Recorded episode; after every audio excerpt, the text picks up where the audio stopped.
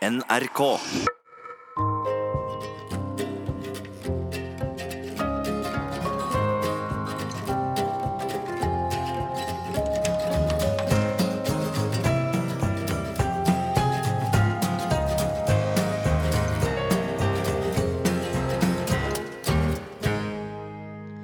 Det heiter seg at en ikke skal sove vekk sommernatta, men jeg er langt fra vaken når vekkerklokka ringer kvart på seks. Ute er det verken mørkt eller lyst. Dagen er i ferd med å velge hva vei han skal ta. Dalskodda ligger grå og mystisk nede i gjelet, men den vesle himmelstripa som presser seg rom mellom de bratte Aurlandsfjella, gjev likevel håp om en god sommerdag. Hytta jeg bor i, ligger i bunnen av en fjelldal. Gjennom dalen går ei elv. På ene sida ligger hytta, på den andre fjøset. Jeg griper det vesle melkespannet, går ut av hytta, åpner grinda og går over brua og inn i det enkle plankehuset som er stølsfjøset. Så langt er stilla til å ta og føle på. Bortsett fra elva som suser, kunne jeg vært det eneste i verden som rører på seg og lager lyd. Slik skal det ikke være lenge. Likevel er jeg alltid litt spent når jeg åpner fjøsdøra. Er geitene mine her i dag? Jeg heter Siri Helle, er journalist og skribent og har skrevet bøker om matproduksjon og jordbruk. Noe av det viktigste i verden for meg er å ha kontakt med hvordan maten jeg et, blir produsert. I sommer i P2 i dag skal du få være med en liten tur inn i mine drømmesomrer. Da jeg jobber som geitebudeie i Ståndalen, i fjellet der Sogn og Fjordane møter Hallingdal. Jeg vil bruke denne timen til å snakke om første gangen jeg slakter et lam, om hvordan noe faktisk var bedre før, og ikke minst hvorfor geiter er Norges beste dyr.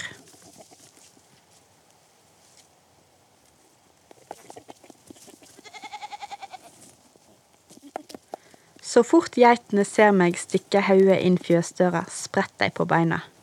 Grå, hvite, spettete og blå. Lange og tynne eller mer trillende runde.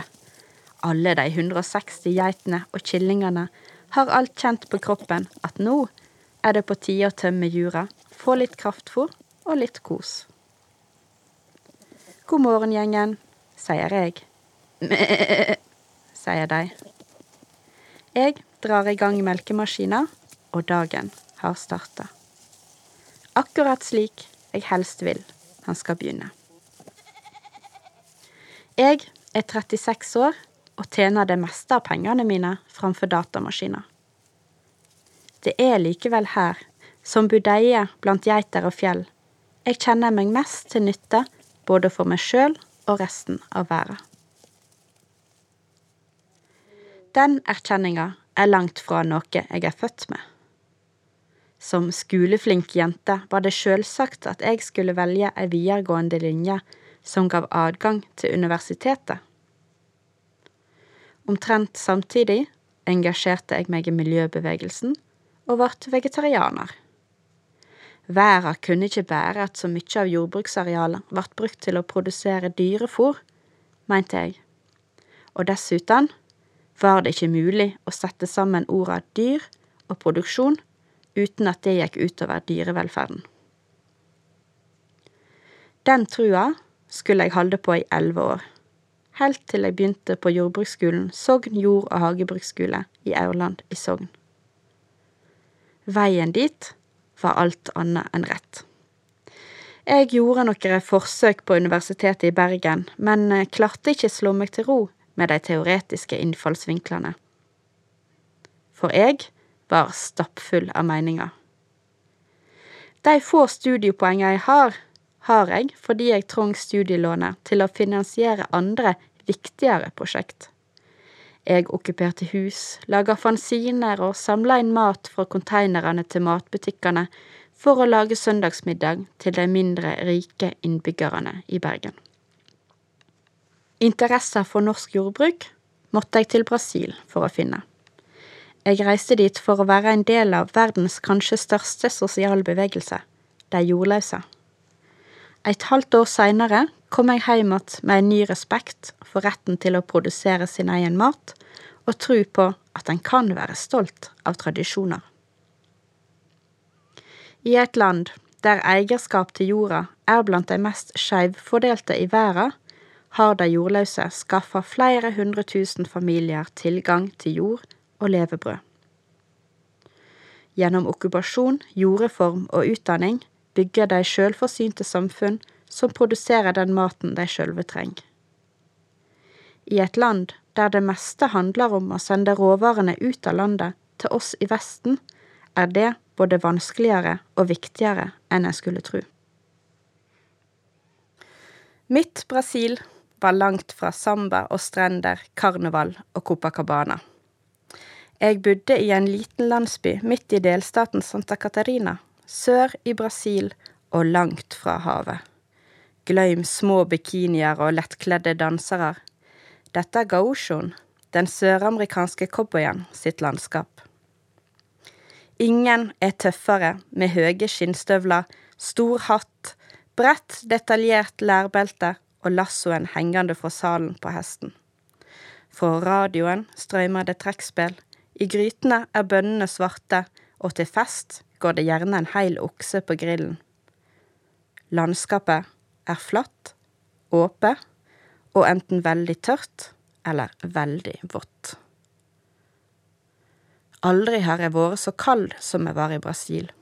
Regn og vind er greit nok i Norge, hvor både klær og hus er tilpassa været. I skur, bygda av presenning og planker med mange centimeter mellomrom, gikk kulda gjennom marg og bein. Heldigvis var mennesker både varme og sterke. I landsbyen jeg bodde i, var de ikke helt i mål med å fordele jorda blant de nye bondefamiliene. Vertsmora mi, Josara, hadde kjempa for jord i ti år. Nå var hun nesten der. En kveld lå hun på ryggen på kjøkkengulvet med to år gamle Amanda på magen. Josara dagdrømte høyt, og Amanda herma så godt hun kunne. Aljo, sa Josara. Eio, gjentok Amanda. Senora, sa Josara. Senoya, kom det fra vesla. Beteraba, betjaba. De smilte og lo, var stolte, hver på sin måte. Hvitløk, gulrot og rødbeter. Alt de skulle ha i grønnsakshagen sin. Det var det de drømte om. Når jeg vert spurt om jordbruk i Norge, vart jeg svar skyldig. Jeg visste ingenting om hva norske griser et, eller om vi tar vare på våre egne frø. Josada slåss for retten til å produsere mat i seg sjøl, med si egen arbeidskraft og tradisjoner som vokste direkte ut av naturen og kulturen der. Jeg ble nysgjerrig. Kunne det hende vi hadde lignende tradisjoner hjemme i Norge? Kunne de være verdt å være stolt av? Jeg måtte hjem og prøve sjøl. På Stølen er melkemaskina kommet i gang, og den første runda med geiter er på plass på melkepallen. 48 spener strutter mot meg. Gras, lyng, einekvist. Brennesle og bjørkeris. Alt geitene har plukka i seg i løpet av natta, har blitt hvit, lunka melk, og det hjelper ikke å være trøtt lenger, for nå må autopiloten av. Sjøl om jeg har melkemaskin, som gjør at jeg kan melke tolv geiter samtidig, er det jeg, budeia, som må passe på at hver av disse spenene blir melka passelig, at juret blir tømt, men ikke stående og melke tørt. Noen spener passer bedre i melkeorganet enn andre, og de som ikke passer så godt, trenger litt hjelp. For å våkne er kaffekoppen jeg har med fra hytta, god å ha. Han er aldri mer enn halvfull, for det er nå jeg viser Toro den ekte betydninga av rett i koppen. Geit nummer to fra høyre har store, fine spener og gir lett slipp på melka. Høgre hand lukker seg kring høgre spene, finger for finger klemmer ut melka i en fin stråle som treffer rett der han skal. Melka skummer i koppen, og etter åtte-ti drag på spena har jeg verdens ferskeste kaffelatte.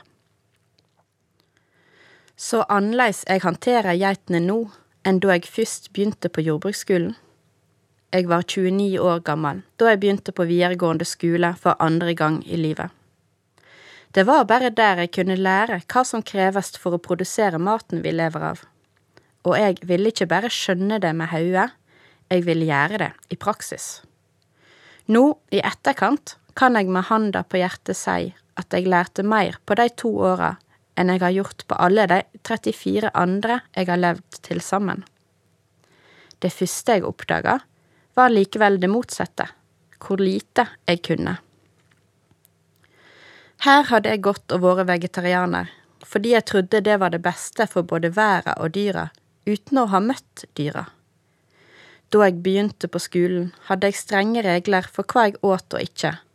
Alt som hadde bein, vinger eller øyne, var ikke mat. Jeg åt ikke kjøtt, ikke fisk, men gjerne melkeprodukt og egg som kom fra de samme dyra. Og ja da, jeg snakka gjerne høyt og lenge om overbevisninga mi, og hvordan jeg kom til å være vegetarianer resten av livet. Tidligere hadde jeg vært i Nederland og latt meg begeistre over veganske jordbær, altså jordbær produsert uten husdyrgjødsel. Hva en ellers skulle gjøre med gjødsla, om en ikke skulle bruke henne på jordbæra, hadde jeg ikke tenkt særlig over. Heller ikke hvordan vi skulle holde oppe produksjonen av melkedyr uten å ete kjøttet. Da jeg begynte på jordbruksskolen, var det altså først og fremst for å lære meg å dyrke grønnsaker. Likevel var det i fjøset jeg endte opp med å ville være. Fra morgenstell til kveldsrunde og helst mest mulig av tida imellom. Jeg forelska meg i de nysgjerrige geitenasene som snusa meg i ansiktet og prøvde å ta av meg skautet jeg hadde på hodet, og i de lange kutungene som raspa meg opp etter ryggen idet jeg gikk forbi fòrbrettet med kraftfòrbøtte. Sjølv på de kaldeste, mørkeste vintermorgenene vert hendene raskt varme når de legger seg kring et mjukt, mjølkefylt jur. Dagen straks lys når en kvikk og leiken geitekilling spredt sidelengs langs fjøsgulvet med alle fire bein i været. Jeg fant tilfredsstillelse i rutinene og gjentakinga. I starten var jeg klønete, svak og forsiktig, men om en gjør noe ofte nok, vert det fort bedring. Litt mer høy på høygaffelen i hvert hiv. Melkeorganet, pumper som siger melk ut av spena, skal helst settes rett på spenetuppen uten klønete fikling. Det verka umulig i starten, men for hver dag ble det litt enklere, og mestringskjensla gjorde meg sterk både inni og utapå.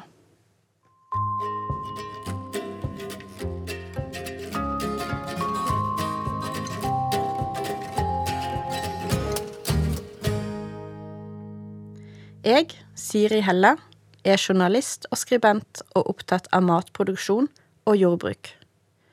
Og i sommer i P2 i dag forteller jeg om hvorfor jeg bestemte meg for å slakte et lam.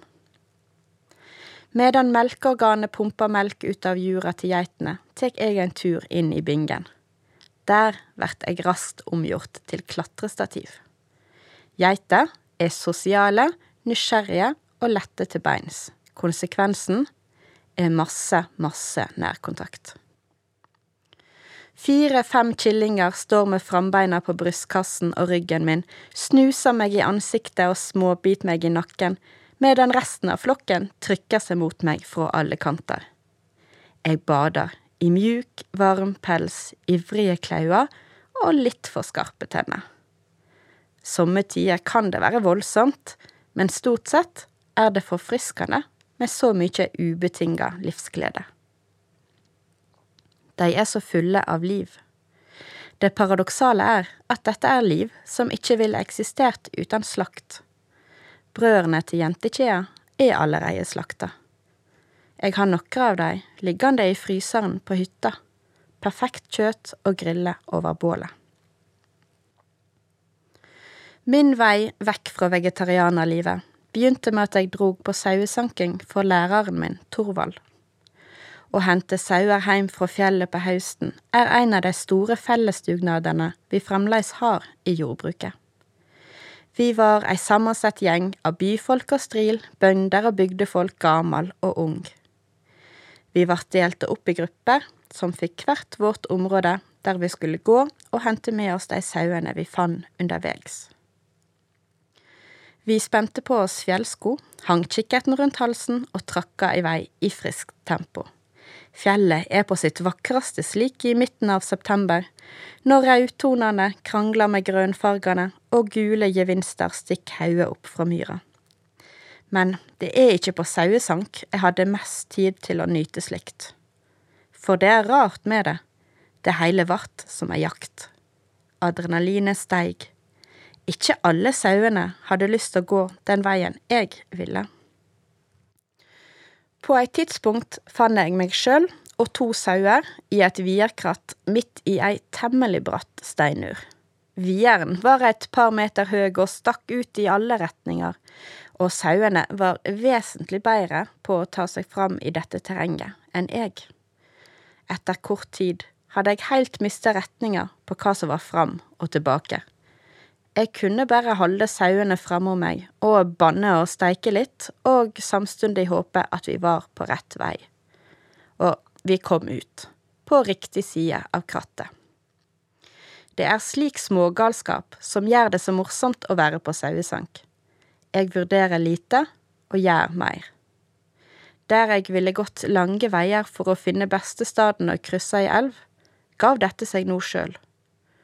Jeg kryssa elva der sauene kryssa dei. Jeg vart våt, men i det tempoet jeg da helt, rakk jeg ikke verte kald, så da var det ikke så farlig. Det gjaldt å være litt i forkant og tenke litt geometri. Hvor kunne sauene finne på å stikke av nå? Og i hva vinkel burde jeg da være for å best kunne hindre dei? Når sauene la av gårde nedover et svar, setter jeg meg på rumpa og sigler for å holde følge. Vi holdt tempoet over neste haug, og der var vi nesten framme. Sankegjerdet var i dalbunnen, og med ett var vi ikke aleine lenger. Bak rygger, hamrer og topper dukka det opp folk. Med dyr. Tre sauer vart til åtte, vart til 36 og 97. En lang, hvit straum av fjellbeitere. Etter at sauene var trygt komne inn på gjerdet, var det fest hjemme hos Torvald. Torvald kan å lage fest. I stova vart det servert reinskjøtt han hadde skutt sjølv, med tyttebær og kantareller han sjøl hadde plukka. Bare ikke til meg. Jeg fikk servert bønner, som jeg vanligvis var veldig glad i, men nett nå denne dagen kjentes det feil at bønnene var komne fra andre sida av jorda, medan det jo bugna over av mat som var produsert akkurat her. Mat jeg var for fin på det til å ete.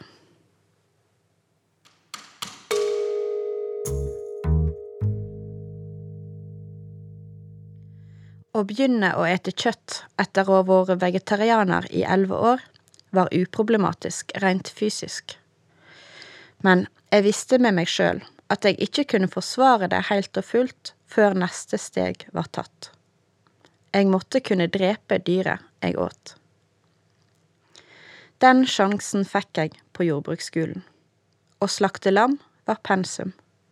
Altså, ingen var tvinga til å gjøre det, men etter vi hadde henta lamma hjem fra fjellet, fikk vi alle tilbud om å kjøpe et lam til sjølslakt, og en skoledag var satt av til opplæring og veiledning i prosessen.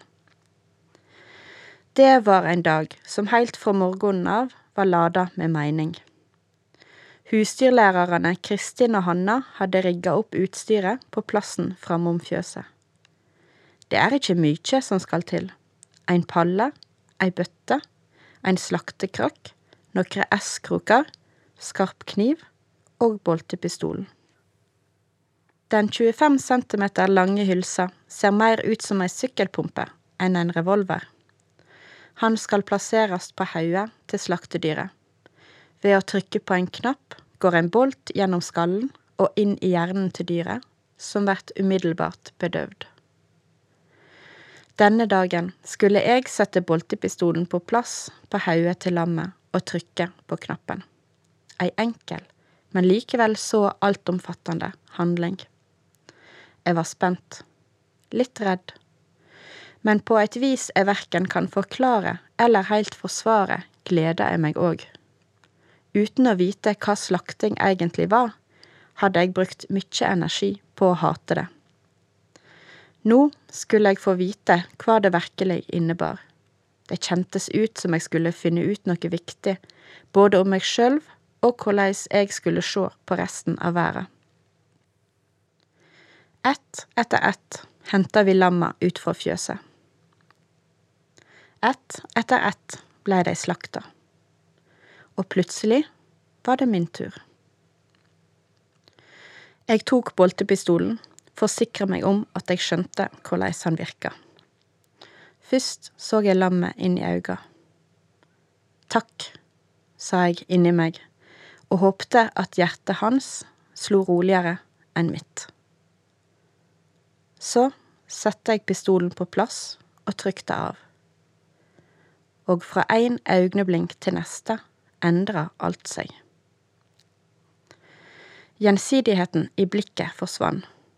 De store, svarte øynene hadde ikke noe dybne lenger, ingenting så attende. Vekta av lammekroppen vart en annen. Sjølv om kiloa var de same, var de tyngre nå. Lammet gikk rett i bakken, muskler og skjelett bar det ikke lenger. Den nye, passive tyngda speiler endringer fra liv med egenverdi til skrått med næringspotensial. Jeg registrerte endringene i forbifarten, men måtte konsentrere meg. Sjølv om boltepistolen stort sett tek livet av dyret, må strupen kuttes og blodet ut. Jeg greip kniven, tok tak i halsgropa til lammet, følte meg fram til spiserør og pusterør.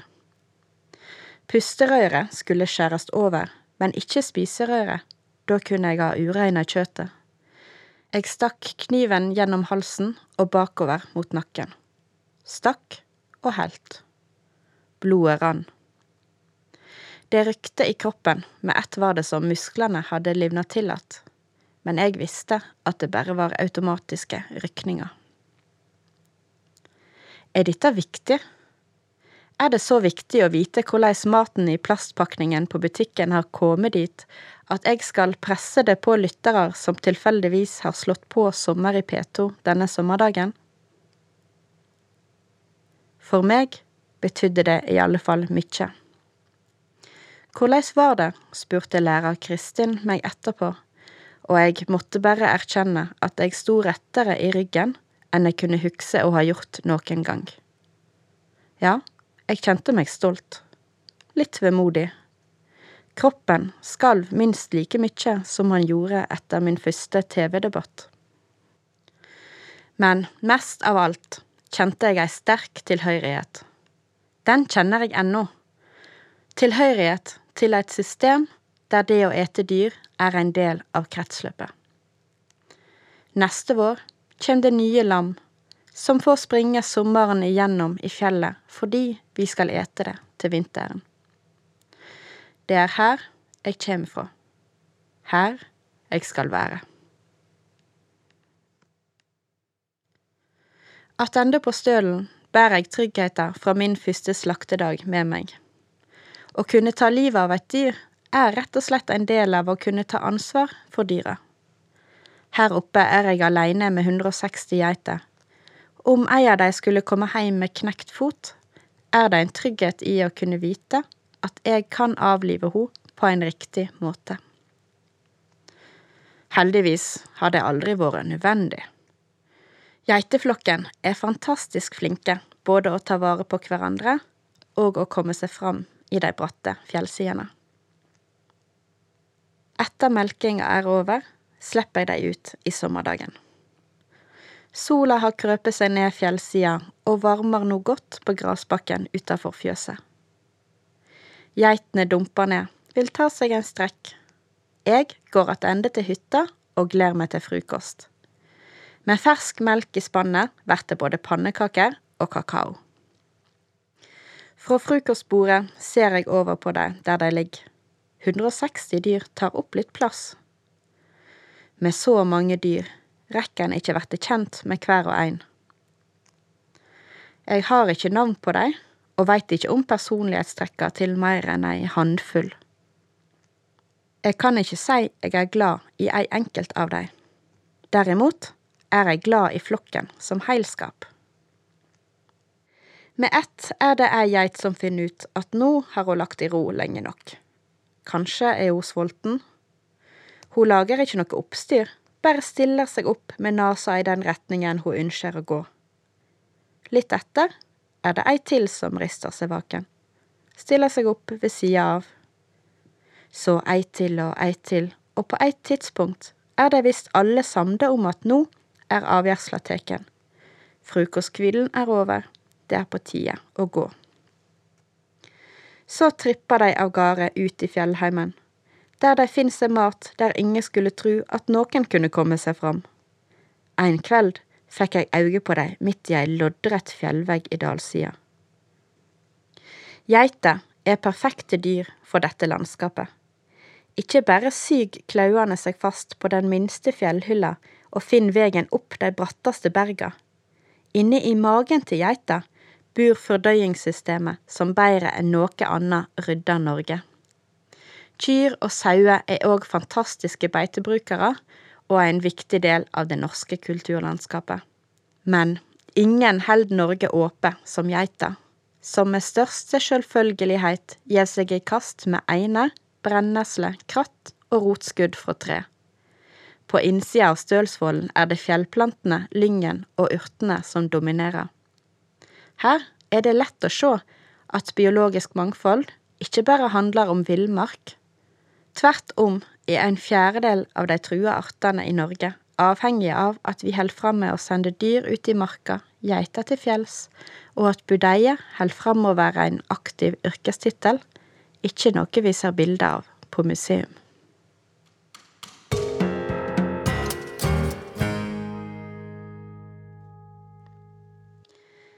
Timene mellom morgen- og kveldsmjølking er fjellturtid for budeia, og i dag går turen tilbake i historia. Jeg går på en sti som nå er blått til lyst, men som en gang var en av hovedveiene mellom vest og øst i Norge. Han snirkler seg fram som stier gjør, snart opp på ei hylle, ned fra en stein og over en bekk. Sola varmer, buksa er rulla opp over knea og beina kjennes sterke.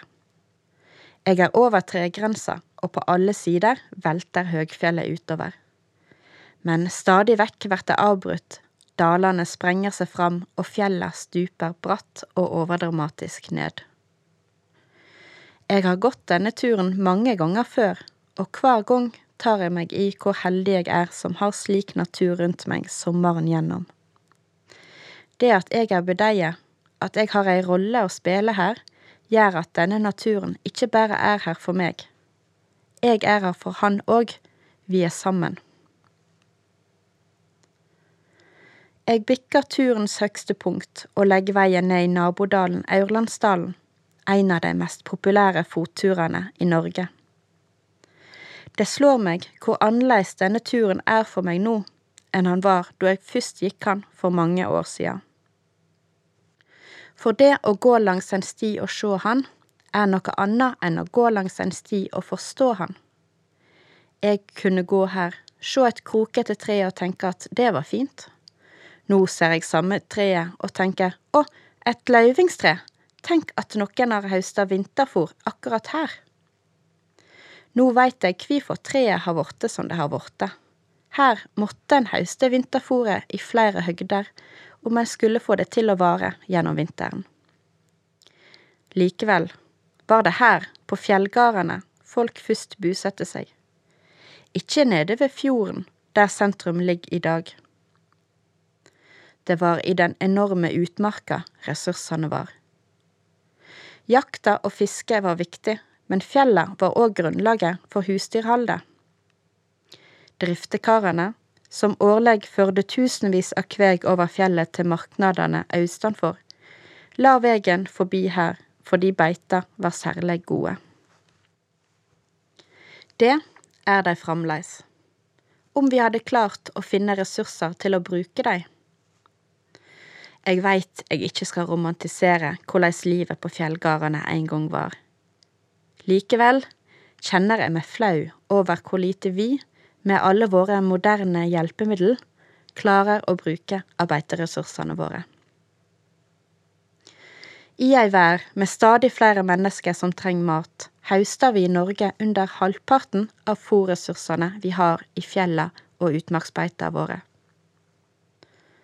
Bare 1% av stølene vi hadde etter krigen, er i drift i dag.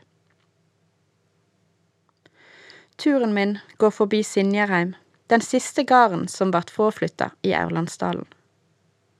Framleis held jordbruksskulen i Aurland på med stølsdrift på Sinjarheim nokre veker hver sommer.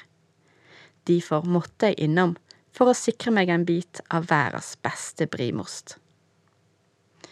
På Sinjarheim er det verken melkemaskin, strøm eller innlagt vann. Her lærte jeg det som fremdeles er grunnlaget for alle melkeroboter og moderne meieri. Handmelking. Med geita mellom beina og vonde underarmer de første dagene. Og ysting, i vedfyrt kåperkjele, der mysa må koke i seks til åtte timer før den søte, glatte brunosten er klar. Å røre brunost er ei ganske enkel rørsle, fram og tilbake fra ene sida av kjelen til hi. Ei enkel rørsle, gjentatt gjennom dager, år og hundre år. Så lenge vi har geita mellom beina og melker henne med hendene, kan det meste ramle ned. Det vi lærer, det varer, og stolthet er gåsehud i nakken og melkesyre i underarmene. Smerte er feighet som forlet kroppen, heter det. Det er kanskje litt strengt, men smerte er i alle fall et symptom på at her må mer trening til. Hender må òg lære. Sjøl om jeg er veldig glad jeg slipper å melke geitene mine for hand, så er denne kunnskapen gull verdt. Allerede når jeg reiste til Brasil, var jeg nok fascinert av dette harde, men samtidig skapende og meningsfulle arbeidet. Men jeg visste ikke om det. Og enda mindre visste jeg at det var noe jeg kunne få til. Å lage sin egen mat. Å skape noe ut av det en har kringom seg og ikke alltid ønske seg noe bedre enn annen stad, men kjenne stoltheten av hva egne hender skaper ut av det en har. Noe av det jeg lærte på jordbruksskolen, var at jeg ikke lenger tror at noe kommer av seg sjøl. Ingen skal lure meg til å tro at det fins enkle løsninger på noe som helst. Det fins bare hardt arbeid, og godt er det. Sjøl om jeg ennå ikke er blitt bonde, prøver jeg å ta med meg denne kjensla i alt jeg skriver og gjør. Det å kunne slakte et lam, speke et lår og felle et tre, har gitt livet mitt sammenheng. Jeg er ikke noe øy i et hav. Jeg henger sammen med all denne produktive naturen kring om meg. Idet jeg går tilbake fra fjøset til hytta etter kveldsstellet, forsvinner geitene ut på fjellbeite igjen. På ei lang, lang rekke springer de over brua og ned i gjelet. I morgen tidlig vil de dukke opp igjen fra en helt annen kant. Mellom melkingene følger de sine egne stier og styrer tida si sjøl. De veit når det er på tide å komme heim, og ingen kjenner fjella kring Ståndalen så godt som geitene mine. I morgen, når jeg trøtt og fæl åpner døra, kjem de til å møte meg med et blidt og forventningsfullt mæ. Noe er i alle fall akkurat slik det skal være i verden.